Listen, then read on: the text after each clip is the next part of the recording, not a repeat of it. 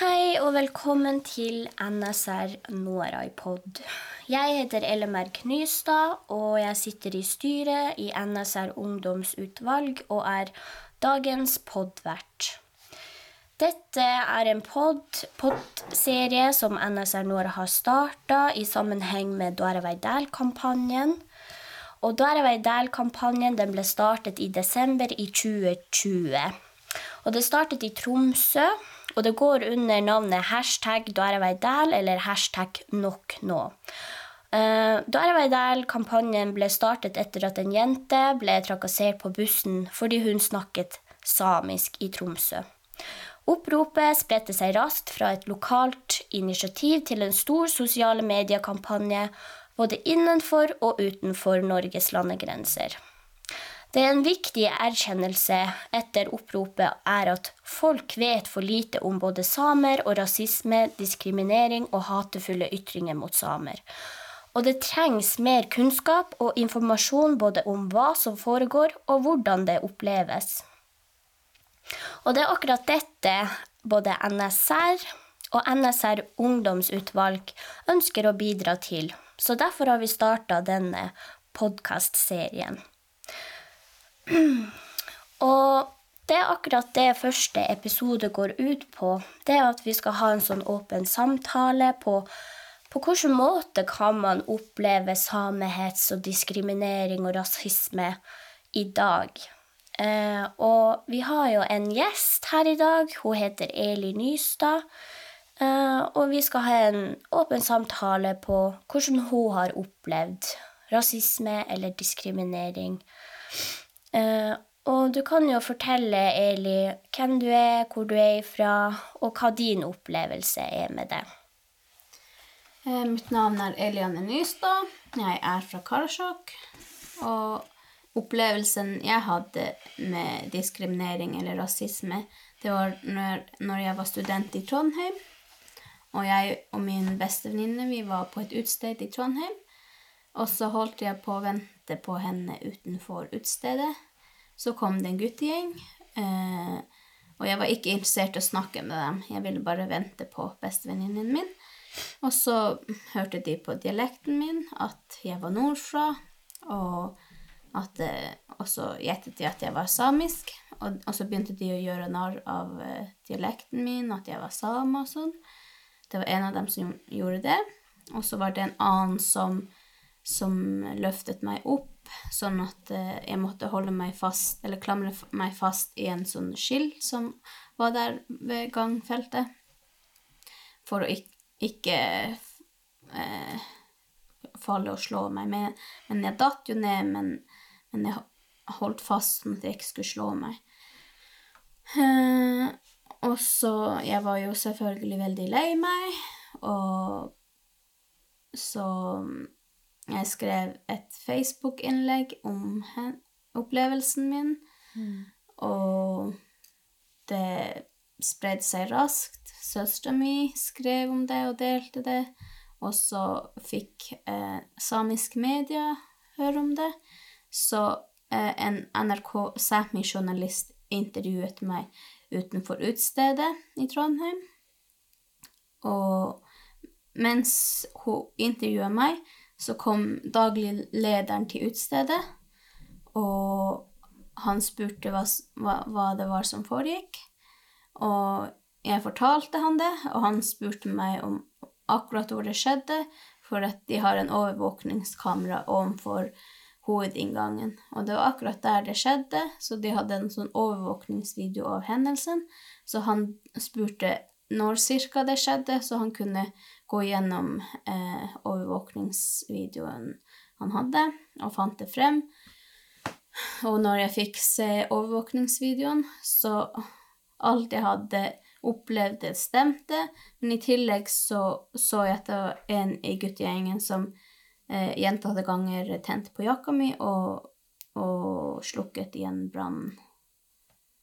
Mm.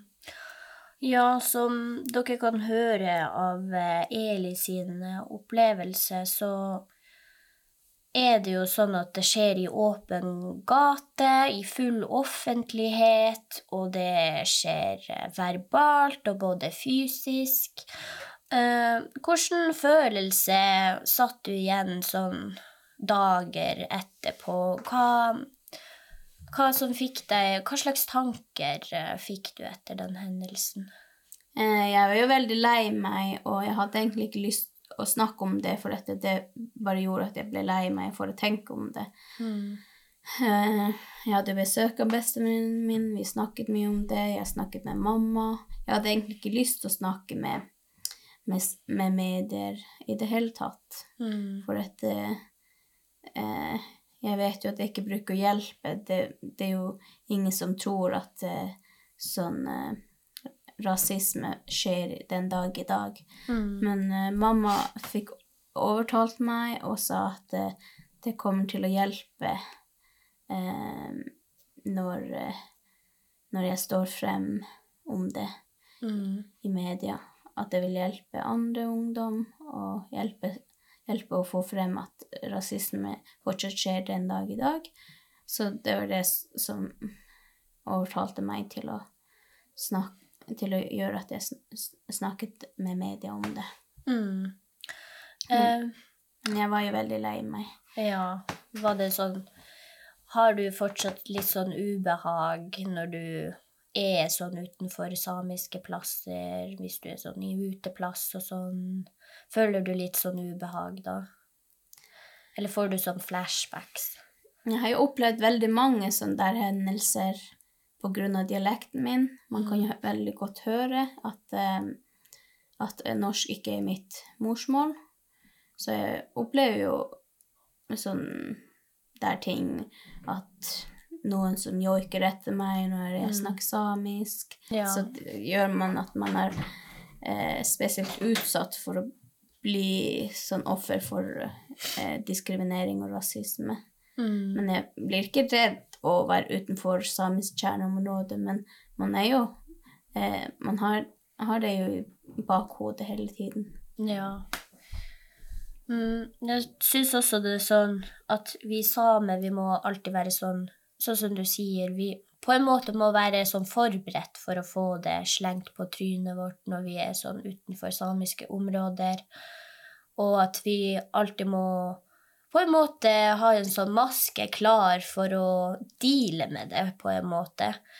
Og at eh, ja, man må rett og slett være tøff. Eh, fordi hvis man viser sånn svakhet og at man er redd og sånn, og det hjelper jo ikke. Nei, man får gjerne høre at man skal ikke være så hårsår, at man må Mm. tåle at, at man blir tullet med. Ja. Så det er jo Det er ikke noe nytt at eh, vi samer, når vi er litt sånn i større byer og sånn, at vi kan oppleve Selv om det er bare sånne der små ting, små kommentarer. Men jeg syns at vi har jo lov til å være hårsår. Vi har lov til å være lei oss, men jeg syns at vi har eh, på en måte blitt oppdratt at Ja, eller at den samiske oppveksten er jo litt tøff. Og jeg tror det er også på grunn av at vi skal være tøff når vi går ut i den store verden, da.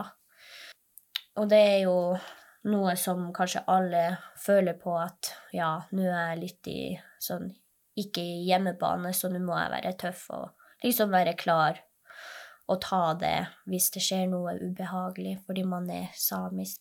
Hva, det, hva er det du gjorde etter at du opplevde den her Det er jo ganske alvorlig, det du opplevde. Anmeldte du det, eller Ja, bestevenninnen min ble sammen med meg til politistasjonen, og jeg trodde at jeg hadde anmeldt det, men når medier tok kontakt med meg, så spurte de meg om hvorfor jeg ikke hadde anmeldt. Og jeg sa jeg hadde jo vært innom politikontor og prøvd å gjøre det, men de hadde tydeligvis ikke tatt meg seriøst. Så da presset media på politistasjonen, og da, da dro jeg eh, Da kjørte media meg til eh, politistasjonen, og så fikk jeg anmeldt det. Det var vel dagen etter Mm. hendelsen. Mm. Eh, hva slags eh, tips, eller ikke sånn tips, men sånn råd har du til eh, andre ungdom hvis de opplever sånn diskriminering eller rasisme? Um, bare si fra at det ikke er greit, og at eh, hvis det skjer noe enda verre, anmelde det, eller ta sånn oppgjør i media eller noe, Mm. bare for å vise at det fortsatt skjer, for at det um, Det finnes sånn der eh, eh, diskrimineringsombud Mm. som eh, har sånn statistikk over, over eh, hvor mye hets og rasisme samer opplever. Mm. Og de sier at det er mye mørketall. Hvis, hvis det er ingen som sier ifra, så vet de ikke at det skjer, og hvor, ofte det skjer. Mm. Så det er veldig viktig å si ifra. Det er absolutt det. Ja, det er utrolig viktig at man eh, faktisk tar og enten anmelder det, eller eh, tar det videre til media og snakker om det. Fordi det er jo mange som tror at samer ikke kan oppleve rasisme, eh, fordi de fleste samer, eller noen samer, er jo hvite i hudfargen.